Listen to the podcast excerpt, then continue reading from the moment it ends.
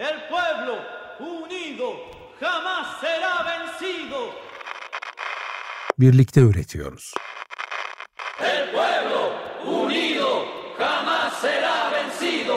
El pueblo unido. Dayanışmaya açık kooperatiflere dair bir program. Hazırlayan ve sunanlar Gökçe Türkmen ve Alper Can Kılıç.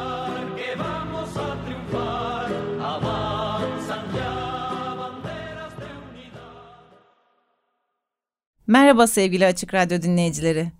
Doğru bildiklerimizden şaşmamak, eşitlik ve adalet konusunda taviz vermemek, dayanışmacı çözümlerin ışığını alıp yansıtmak, birlikte üretmenin heyecanını ve keyfini unutmamak için çıktığımız yolda çok kıymetli bir durakta durup çok değerli bir akademisyenle sohbet edeceğiz bugün. Niyetimiz sizleri teorik konularla, kavramlarla yormak değil, aynı ortamda sohbet edermişçesine bu içerikleri sizlere ulaştırmak. Yazılı bilgilerden sahadaki pratiklere ve deneyimlere ışık tutarak kapitalist sistemin varlığından hiç hoşlanmadığı dayanışma ve sosyal ekonomi kavramlarını konuşacağız bugün. Ben Gökçe. Ben Alper. Her bölümünü konuklarımızla beraber ördüğümüz Birlikte Üretiyoruz programına hoş geldiniz. Bugün alanda çok önemli yerlerden birini tutan gençlerle doğrudan kooperatifçilik üzerine dersleri sırasında da bol bol konuşan bir hocamız bizimle birlikte. İzninizle önce e, kendisini sizlere tanıtmak istiyorum. Aylin Çiğdem Köne, Muğla Sıtkı Koçman Üniversitesi'nde profesör olarak çalışan bir iktisatçı. Doktorasını Marmara Üniversitesi'nde kalkınma iktisadı alanında yaptı. Akademik çalışmaları ekonominin doğal çevre ve toplum üzerindeki etkilerini kapsıyor, sürdürülebilirliğin ölçülmesi ve değerlendirilmesine odaklanıyor. Aylin Çiğdem Köne baskın iktisat paradigmasının insan ve toplum ve doğa bilimlerinden böylesine uzak olmasının kabul edilemez olduğu düşüncesiyle alternatif ekonomileri araştırmaya yönelir. Sosyal ve dayanışma ekonomisiyle karşılaşır. Bir sosyal bilimci olarak kayıtsız kalamaz ve bu alandaki bilgi birikimine internetin sağladığı özgürlük ve paylaşım olasılıklarını kullanarak katkıda bulunmaya devam etmektedir. Hoş geldiniz Aylin Hocam. Hoş geldiniz. Merhaba, hoş buldum. Davetiniz için teşekkür ederim. Biz de çok teşekkür ederiz katılımınız için. Ee, sizin isminizi elbette evvelinde biliyordum Ee, ama e, hakkınızda bu kadar bilgiye sahip değildim açıkçası programa hazırlanmadan önce. Ee, o yüzden böyle hem çok heyecanlandım, sizi tanıyor olmaktan, tanımış olmaktan çok büyük mutluluk duydum. Hem de e, e, Muğla Üniversitesi'nde, Sıtkı Koçman Üniversitesi'nde derslerinize girip öğrenci olmak için böyle bir heves oturdu içime. Umarım bir gün e, gerçekten derslerinizi dinlemek mümkün olur. Çok- Programın ilerleyen kısımlarında da konuşacağız. Hani Aylin hocamızın öğrencisi olmak için üniversiteye gitmeye de gerek yok. Ee, Kendisi zaten sürekli bu konuda kaynaklar sunuyor diye. Evet evet ama yani öğret şimdi öğretmenle göz göze olmanın E, tabii, sınıf o ortamında başka. olmanın evet keyfi başka. Ee, biz sizin sosyal ekonomi ve kooperatifler konusunda e, üniversitede ders verdiğinizi biliyoruz ve hatta Türkiye'de bu konuda bu birliktelikle ders veren başka bir e, akademisyen olmadığı bilgisine sahibiz. Sizden bir öncelikle sosyal ekonomiyi nasıl tanımladığınızı, kooperatiflerle nasıl ilişkilendirdiğinizi öğrenebilir miyiz? Bunu sorabilir miyiz size? Elbette e, çok teorik olmadan anlatmaya çalışayım. E, ama öncelikle ders hakkında birkaç şey söylemek isterim. Sosyal ekonomi ve kooperatifçilik dersi e, Muğla Sıtkı Koçman Üniversitesi İktisat Bölümü dersleri arasında 2020 yılında eklendi. Henüz yeni bir ders. Hı hı. Son 3 yıldır fakültemizdeki 4. sınıf öğrencilerine seçmeli olarak bu dersi veriyorum. Sizin de söylediğiniz gibi benim bildiğim kadarıyla da ders ismiyle ve içeriğiyle Türkiye'de tek. E, tabii e, iktisat bölümünde verilen bir ders olduğu için e, kooperatifçiliği salt bir işletme modeli olarak anlatmak olmazdı. O nedenle dersin çerçevesini çizerken kooperatifleri ekonomik sistem içerisindeki yeri bağlamında ele almak istedim Hı hı. ve bu bağlamda sosyal ekonomi oldu. Hı. sosyal ekonomi e, aslında e, 18. 19. yüzyıllara kadar geri gidiyor ortaya çıkışı. Avrupa'da esas olarak ortaya çıkmış bir faaliyet alanı. O sanayi kapitalizminin yerleşmesi sırasında yaşanan e, yaşam koşulları, e, son derece olağanüstü kötü yaşam koşullarına karşı savunmasız sosyal grupların verdiği bir tepkiyle başlayan hareket sosyal ekonomi. Ortaya çıkışında da esas olarak e, iki unsuru ayırt edebiliyoruz. İlki işçi sınıfının kendi kendine yardımı örgütlemesi. İkincisi de e, bu kökeni aslında çok gerilere giden hayırseverlik ve yardımseverlik fikirleri. Bu geçmişi. E, bir terim olarak bakarsak sosyal ekonomiye, kamu sektörü ile özel sektörün dışında faaliyet gösteren bir sektörü ifade eder sosyal ekonomi terimi. E, bu nedenle de üçüncü sektör olarak da adlandırılır. Yani hmm. sosyal ekonomi ve üçüncü sektör e, terimleri eş değerdir aslında. E, sosyal ekonominin bileşenleri herhalde bunu da konuşuruz birazdan. Devletin erişemediği, piyasanın etkin işlemediği alanlarda ürün ve hizmet üretirler. Hı. E, bu ürün hizmetler doğrudan piyasada alınıp satılabilen ürünler ya da hizmetler olabileceği gibi sadece e, üyelerinin ihtiyaçlarına yönelik onları karşılamak için de üretim yapabilirler. E. Tabii şimdi burada üç alan tanımladık. Bir ekonominin üç tedarik alanı, kamu, özel sektör ve sosyal ekonomi. Bunlar arasındaki e, farkları ortaya koymak için e, dilerseniz ben bir örnek vereyim. Bunun üstünden düşünmek evet, işimizi kolaylaştırabilir. Evet. Aslında ben de tam o kısmını soracaktım size. E, yani sos, sosyal ekonomi sistem içerisinde formal olarak e, sadece kooperatifler açısından mı vücut buluyor yoksa e, yine günlük hayattan bildiğimiz imece dayanışma e, ve bunun gibi kavramlarda e, sosyal ekonomi kapsamına giriyor diyebilir miyiz direkt? Hem de şirketlerle nasıl oluyor? O farkları sizden Hı. rica edecektim. Tabii.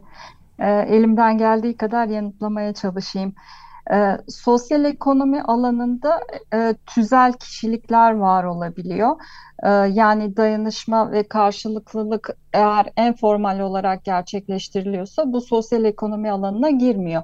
E, sosyal ekonomi alanına giren kuruluşların başında kooperatifler var elbette. Bunun yanı sıra e, müteeller ki karşılıklı e, karşılıklılık esasına dayalı sigortacılığı kastediyorum burada. Ee, onun yanı sıra ekonomik faaliyet yürüten dernekler, vakıflar e, ve sosyal ekonominin en yeni bileşeni sosyal girişimler e, bu alana dahil oluyorlar. E, şimdi kamu ve özel sektörle karşılaştırmak gerekirse e, bir ihtiyaç düşünelim. Diyelim ki bir çalışan ebeveynin e, çocuk küçük çocuğunu kreşe bırakma ihtiyacı var. Ee, yani bir bakım hizmetine ihtiyacı var. Hı hı. Bir ekonomik sistem içinde e, bu ihtiyacını özel sektörden ya da kamu sektöründen karşılayabileceğini zaten biliyoruz. Özel evet. sektörden e, karşılarsa oradaki e, kreş sahipleri bu işi kar elde etmek için yaparlar. E, ve bu hizmetten yararlanmak da yeterli satın alma gücüne sahip olmakla mümkündür. Yani geçerli piyasa fiyatını ödeyenler bu hmm. kreş hizmetinden yararlanır, diğerleri dışarıda kalır. Kamu sektörü ise eşit yurttaşlık ilkesi e, gereğince e, eşitlik amacıyla bu hizmeti ücretsiz olarak sunabilir ya da e, uygun ücretlerle sunabilir. Dolayısıyla burada iki seçenekten söz ettik. Ya bunlar yetersiz kalırsa, e, ya bunlara erişemeyen insanlar olursa o zaman e, bu kişiler için bir çözüm alanı işte sosyal ekonomi. Evet. Kendi aralarında örgütlenirler. Diyelim ki mahallelerinde kendileri gibi bu ihtiyaca, bakım hizmetine ihtiyaç duyan insanlarla bir araya gelirler. Karşılıklılık ve dayanışma ilkelerine dayalı olarak örgütlenirler ve örneğin bir bakım kooperatifi kurarlar. Yani e, bu ihtiyacı piyasadan karşılamak ya da devletten bir çözüm beklemek yerine e, kolektif olarak, gönüllü olarak harekete geçerler ve kendi ihtiyaçlarını kendileri karşılamış olurlar. Ne güzel örnekleyerek açıkladınız hocam. Yani aslında şey kooperatifler ve sosyal ekonomi her iki kavram birbiri içerisinde dönerek birbirini derinleştiriyorlar, varlıklarını derinleştiriyorlar bağlanıp Hı-hı. çoğaldıkça. Evet. Evet evet tarihsel olarak baktığımızda örneğin İngiltere'de e, sosyal ekonomi kooperatif hareketi olarak ortaya çıkmış. İlk kooperatiflerin kurulmasıyla birlikte. e, başka yerlerde farklı e, ya da benzer e, gelişmeleri görebiliyoruz. Ama en başından itibaren sosyal ekonomiyi diğerlerinden, özel sektörden ayıran şey amacı, kar elde etmek için kurulmaz sosyal ekonomi kuruluşları. Kar elde etmesinde sorun yok ama asıl amaç bu değil. Asıl amaç ihtiyacı karşılamak. Onun dışında asıl e, belki de önemli olan şey e, işte değerler ve ilkelerle çalışması. E, bir de tabii unutmayalım sosyal ekonomi dediğimiz alan e, içinde işte bileşenlerini saydık. Kooperatifler, vakıflar, sosyal girişimler ama bu alanın en önemli bileşeni kooperatifler. Hiç tartışmasız. Hı hı. E, bunun iki sebebi var. E, ilki ekonomik açıdan yani e, istihdam kapasiteleri, e, üretimleriyle evet e, çok önde geliyorlar. Sosyal ekonominin bel kemiğini oluşturuyorlar. Bunun yanı sıra da e, benimsedikleri değerlerle ve ilkelerle ta ilk kooperatiften bugüne 19. yüzyıldan bugüne sosyal ekonomiye e, yön veren özelliği var kooperatiflerin. Yol gösterici olmuşlar. Hı hı. Dolayısıyla bugün de sosyal ekonomiyi eğer bir alternatif olarak görüyorsak ee, bunda kooperatiflerin e, bu özgünlüğünün büyük rolü var. Hı hı. Yani bu değer ve ilkelerle yönetilmelerinin büyük önemi var diye düşünüyorum. Bu değer ve ilkeleri e, biz böyle birinci programda ahilikten bahsetmiştik. Orada ahlaklı ve erdemli esnaf olmanın bir takım tanımları olduğunu belirtmiştik ilk programda. Ve işte onların bağlanmasını ve açılmasını istedikleri yedi temel başlık vardı. Mesela örneğin bir tanesi yalan kapısını bağlamak, doğruluk kapısını açmak idi. Ki bugüne de yakışır bir talep bence. İnsana dair güncel bir talep hala. Ee, bunlar mesela bu başlıklar daha değerlere giriyor ama e, bugünün bugünümüze gelince yani Uluslararası Kooperatifler Birliği'nin mesela ortaya koyduğu yedi kooperatif ilkesi olduğunu görüyoruz. E, o biraz daha ilke e, ama ahirlikteki o e, duygu biraz daha değer diyebilir miyiz? Ya da siz nasıl derslerinizde bu değer ve ilkelere yaklaşıyorsunuz acaba? Ee, Uluslararası Kooperatifler Birliği'nin bir kooperatif kimliği bildirgesi var. Ee, burada kooperatif kimliğini çizen, çerçevesini çizen şey kooperatifçilik değerleri ve ilkeleri.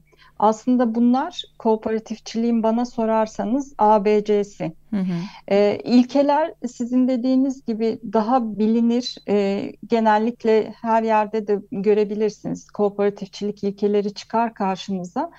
E, ancak değerler dediğimizde e, değerler kooperatifçiler tarafından bile pek bilinmemekte aslında değerler ilkelere rehberlik ediyor. Yani e, kooperatifçilik ilkeleri değerlerin üzerinde inşa edilmiş durumda. E, ve e, baktığımızda değerleri de ikiye ayırmak mümkün. Kooperatifin değerleri ve ortakların değerleri.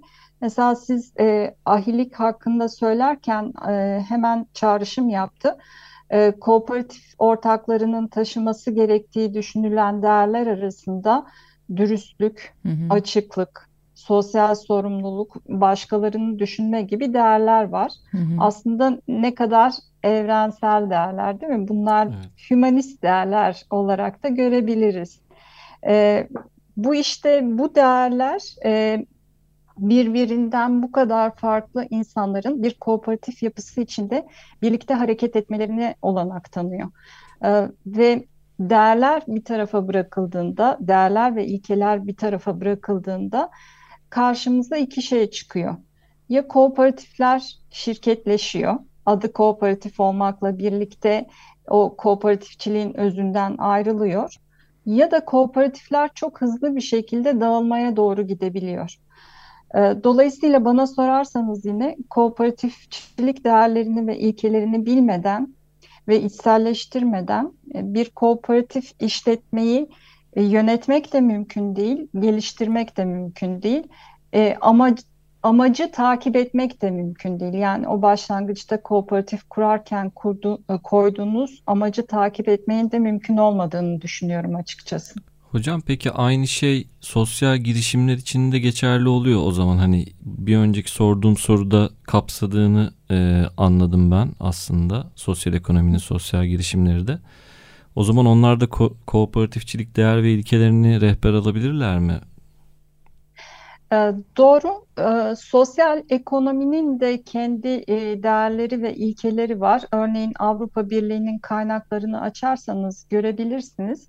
Fakat şunu fark edeceksiniz baktığınızda sosyal ekonominin dolayısıyla sosyal girişimlerin de bir parçası olduğu için sosyal girişimlerin de benimseyeceği değerler ve ilkeler aslında hep e, kooperatifçilik değer ve ilkelerinden türemiş durumda. Hı hı. Ee, Yani bu e, ilk kooperatif kurulduğunda bile 1844 yılında kendi ilkelerini ortaya koymuş. Ee, Ve ondan sonra gelen e, ahlaklı işletme olma e, iddiasında ya da isteğinde olan kuruluşlar için bu ilke ve değerler her zaman yol gösterici olmuş. Dolayısıyla sosyal girişimler de etik işletmeler olarak e, değerlere ve ilkelere sahipler ve bunlar da kooperatiflerden çok etkileniyorlar. E, bu alanın zaten değerlerden ve ilkelerden uzaklaşması e, söz konusu olduğunda tamamen e, alternatif olmaktan çıkıp e, piyasa sisteminin e, bir parçası olurlar Evet. bana sorarsanız. Çok teşekkür ederiz verdiğiniz bilgiler için. Şimdi Tom Petty and the Heartbreakers'ın Running Down a Dream albümünden I Won't Back Down şarkısı Profesör Doktor Aylin Çiğdem Köne'den dinleyicilerimiz için geliyor. Yeniden merhaba Açık Radyo dinleyicileri. Muğla Sıtkı Koçman Üniversitesi'nde kalkınma ekonomisi profesörü olarak görev yapan Aylin Çiğdem Köne ile sosyal ekonomi ve kooperatifçilik üzerine yaptığımız sohbetimiz devam ediyor. O zaman şöyle devam edelim. Ee, derslerdeki deneyimlerden birazcık sizden dinleyelim. Ee, nasıl gidiyor? Sizin gözünüzden e, öğrenciler cephesinde kooperatifçilik konusunda yanlış bilinenler, hiç bilinmeyenler ya da gençlerin kooperatif konusundaki bilgi durumu e, ne seviyede? Bunu analiz eden bir çalışma var mı? Bunlardan biraz bahsederseniz çok seviniriz. Tabii. Ee, Üç yıldır bu dersi veriyorum. Dolayısıyla bazı genellemeler ya- yapabilirim diye düşünüyorum. Öncelikle e, genel olarak Türkiye'de kooperatifçilik eğitimi üniversitelerde pek yer almıyor. İşletme bölümlerinde bile çok az e, sayıda kooperatifçilik dersine yer veren üniversite var. E, yani ö- bu konuda bir eksikliğimiz var. Onu bi- bir tarafa e, koyalım. Onun dışında ben derse girdiğim zaman öğrencilerin pek çoğunun ne sosyal ekonomi ne kooperatifçilik hakkında bilgisi olmadığını görüyorum. Ee, kooperatiflerden haberdar değiller. Ee, ilk derste şu soruyu soruyorum. Eğer biliyorsanız bir kooperatif ismi söyler misiniz? Ee, genellikle hiçbir yanıt alamıyorum bu derse. Yani kooperatif nedir, ne yapar, nasıl yapar sorularına e, bir e, yanıt alamıyorum. Yani e, bilgi ve farkındalık düzeyi çok düşük. Bunu söyleyebilirim. Yanlış bilinenlere baktığımızda kooperatiflerin bir devlet kuruluşu olduğunu, devletin kooperatiflere yardım ettiğini düşünüyorlar. Kooperatifleri genellikle başarısız, ortaklarını zarara uğratan kuruluşlar olarak da görüyorlar. Aslında bu toplumdaki genel kooperatifçilik algısının da bir yansıması. E, Bir de e, böyle e, alternatif bir işletmenin var olamayacağı yönünde de güçlü bir inanç var, güçlü bir inanış var. E, Bizim belki iktisat eğitimimizin hep bencil insana, e, kar maksimizasyonuna dayalı olması da onları etkiliyor olabilir. Maalesef. E, dolayısıyla e, bir hayli çaba harcıyorum kar amaçlı olmayan e, bu özel iş modelini anlatırken. Burada iki yardımcım var. İlki kooperatif ekonomisinin dünya çapındaki büyüklüğünü ve kapsamını gösteren veriler. İkincisi de dünyadan, Türkiye'den e, örnekler. E, bu mesela etkileyici oluyor dünyadaki örnekleri göstermek. Mesela Hindistan'daki süt üreticilerinin kurduğu dünyanın en büyük süt kooperatifi ürünleri Amul var. E, sağlık alanında 20 milyondan fazla kişiye hizmet sunan Brezilyalı bir kooperatif ya da e, yeni kooperatif hareketinden örnekler. E, mesela Spotify'ın e, ya da Zoom'un alternatifi olan kooperatifleri Hı tanıtıyorum. hı. Çok şaşırıyorlar bunlara.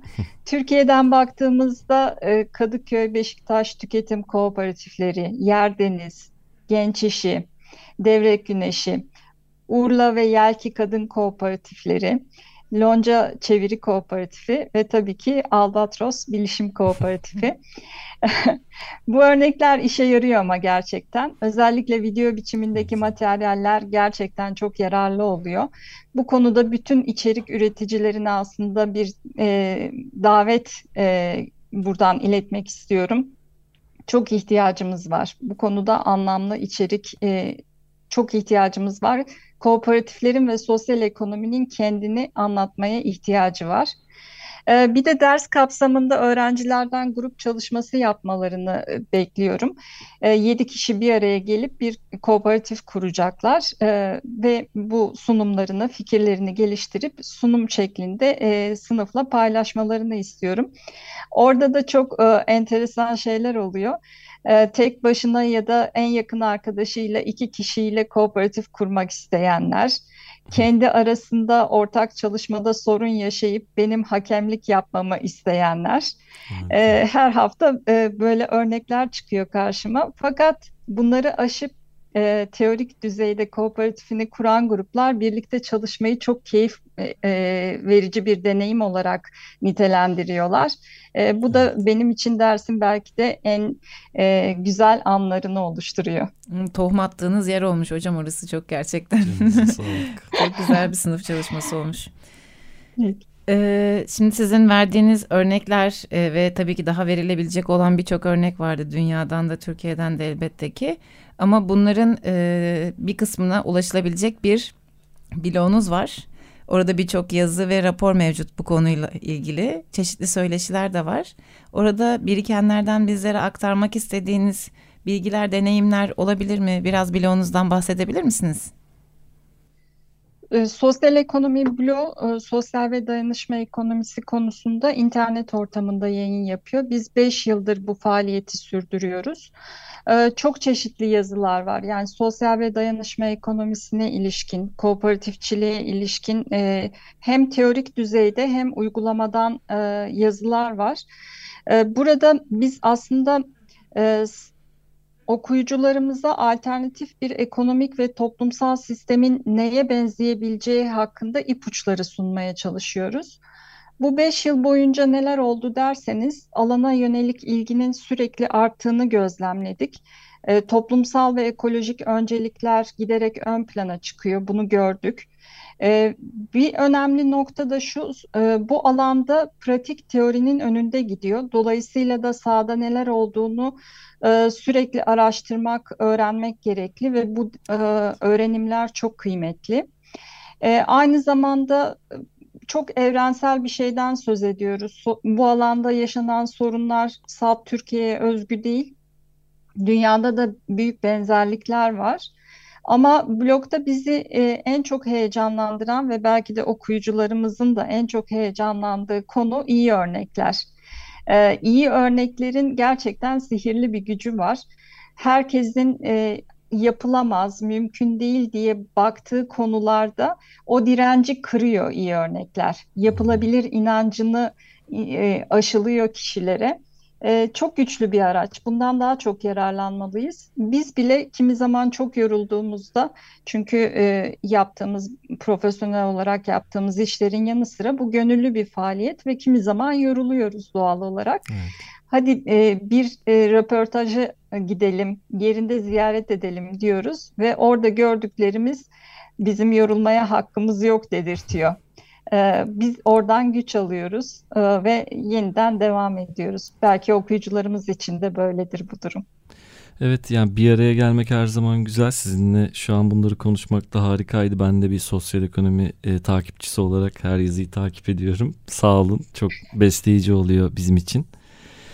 E, burada da süremizin sonuna geldik. E, çok teşekkür ediyoruz. Bu ben bölümde... teşekkür ederim. Evet sağ olun. Teşekkür ederiz hocam çok sağ olun katılımınız için. Ben teşekkür ederim. Ya herkesi okuyucu olarak e, bekleriz sosyal ekonomi bloğuna. Birlikte üretmek güzel, birlikte öğrenmek de çok güzel. Evet, birlikte üretmeye devam edelim. Bu bölümde Muğla Sıtkı Koçman Üniversitesi'nden Profesör Doktor Aylin Çiğdem Köne ile sosyal ekonomi kavramından konuştuk ve kooperatiflerle ilişkisi üzerine e, bolca bilgi aldık. E, kendisine katılım ve bizlere sağladığı destek için çok teşekkür ediyoruz. E, kooperatifçiliğin yayılması adına yaptığı çalışmalar için de ayrıca teşekkür ediyoruz. Bilgi ve deneyim paylaşımınız için tekrar teşekkür ediyorum Aylin Hocam. Umutla kalın sevgili dinleyiciler.